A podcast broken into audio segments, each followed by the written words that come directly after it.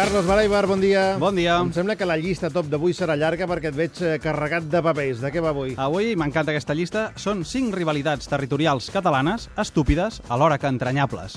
Són aquelles rival- rivalitats entre pobles, poblets, municipis que tant ens agraden als catalans i que existeixen arreu del territori. La idea és que anem una mica més enllà dels tradicionals Tarragona, Reus, Sabadell, Terrassa, que ja ens els sabem de memòria. A Catalunya hi ha infinites oportunitats per l'enemistat.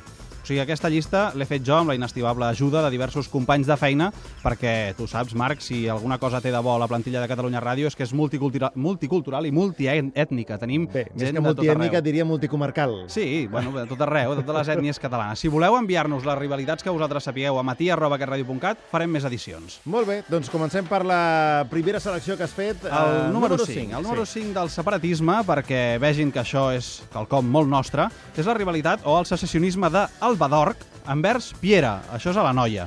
Segons m'han dit, eh, m'ho ha dit la insigna piarenca d'aquesta casa, la Maria Guixà, existeix un moviment que reivindica que Alba d'Orc no és Piera. En el seu dia es van arribar a fer samarretes on es llegia Alba d'Or, que és el centre del món. Òbviament, els piarencs, com Déu mana, tenen aquell esperit imperialista tan típic de Piera que només volen assimilar i anorrear els petits badurquins. Es veu que el Badorc és, com, és un nom celta de la tribu dels bitúrigues que van baixar de França. O sigui, el separatisme, si us plau, ben fonamental. Aquí el tenim ben fonamentat i gràcies a la Maria Guixà. Número 4. El número 4 ens porta al Ripollès. D'allà a la redacció hi tenim el Xevi Soler. Ens ha confirmat que els santjoanins de Sant Joan de les Abadesses tenen un odi atàvic pels de la capital de la comarca, Ripoll. Fins i tot se'ns ha dit que a la festa de Sant Joan es canta una cosa com ara ja tenim els planos del pantà de Ripoll. Imagina't, eh? O sigui, hem sentit a dir fins i tot que abans espanyol que de Ripoll. I això ja és dir. L'animadversió arriba a un punt que els santjoanins tiren més cap a la Garrotxa, és a dir, fins i tot voldrien deixar de ser del Ripollès. Això alguns, eh? I una característica d'aquesta rivalitat és que pel que sabem no és recíproca. Els de Ripoll els és igual que els de Sant Joan els odien tant. O sigui que ja està bé. És odi no correspost. Número 3. El número 3, un altre separatisme que en aquest cas aporto jo. Els de Barcelona sempre hem de tenir alguna cosa a dir. I el separatisme que us porto és el del meu barri, Sant Andreu del Palomar. Sant Andreu del Palomar és el barri del cor de la ciutat, diguéssim, el que està allà al cor del districte de Sant Andreu. Allà per la plaça Orfila, la del comerç, és tot molt maco. El cor de la ciutat. Sí, sí, sí, molt maco, però, però no hi ha neu perquè tampoc és plan de convertir-ho en un Gràcia, no, no ens interessa això. Doncs allà existeix el moviment Sant Andreu Poble. De fet, hi ha constància de l'existència de Sant Andreu del Palomar des de l'any 1000. Hi ha algú que s'ha dedicat a documentar això. El curiós és que qui va convertir la parròquia de Sant Andreu en poble independent va ser el decret de nova planta. Això no ho diem gaire. No O sigui ens que celebreu. Felip V, vosaltres, no ens l'11 agrada, de setembre, eh? No ens agrada dir-ho gaire, però bueno.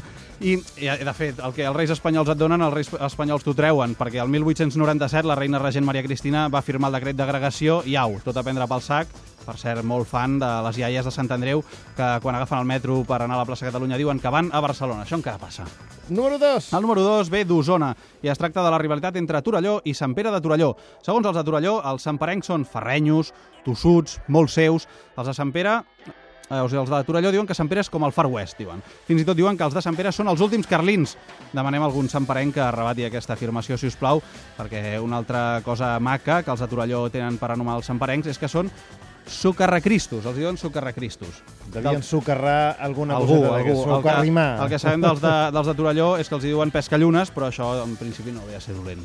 I el número 1. El número 1 i la millor rivalitat territorial estúpida alhora que entranyable és a tres bandes. I ens l'ha explicat l'Eudal Serra, company d'esports. És ni més ni menys que entre Alella, el Masnou i Ocata. A veure, és una mica complicat, eh? o sigui que tothom atent. Perquè ens entenguem, el Masnou vindria a ser el tros de mar d'Alella. Per això, a Alella diuen que el Masnou és Alella de Mar, cosa que els masnovins rebutgen de ple. Són molt del Masnou, ells. Però és que, alhora, dins del Masnou hi ha un altre moviment identitari fortament secessionista, el d'Ocata. Ocata és un petit barri del Masnou que reivindica que són un altre poble. O sigui que això és metaseparatisme. Alella vol absorbir el Masnou, el Masnou es vol mantenir independent i Ocata es vol separar del Masnou. Sigui que qui ho entengui, doncs eh, que el comprin. O Cata, que té una estació de la Renfe, I tant, eh, de. Rodalies. Té, vull bueno, I això és el que l'erigeix en un poder eh, que amenaça el Masnou. O sigui, després no, no, no, no ens queixarem de que, que no ens entenguin, quan això el separatisme és, és molt nostre, és molt fàcil, ho portem a dins, una necessi- necessitat intrínseca de tocar-nos els collonets amb els veïns, però al cap i a la fi ho fem a fi de bé. Doncs vinga, ja tenim coses a fer aquest cap de setmana. Gràcies, Carlos. Adeu.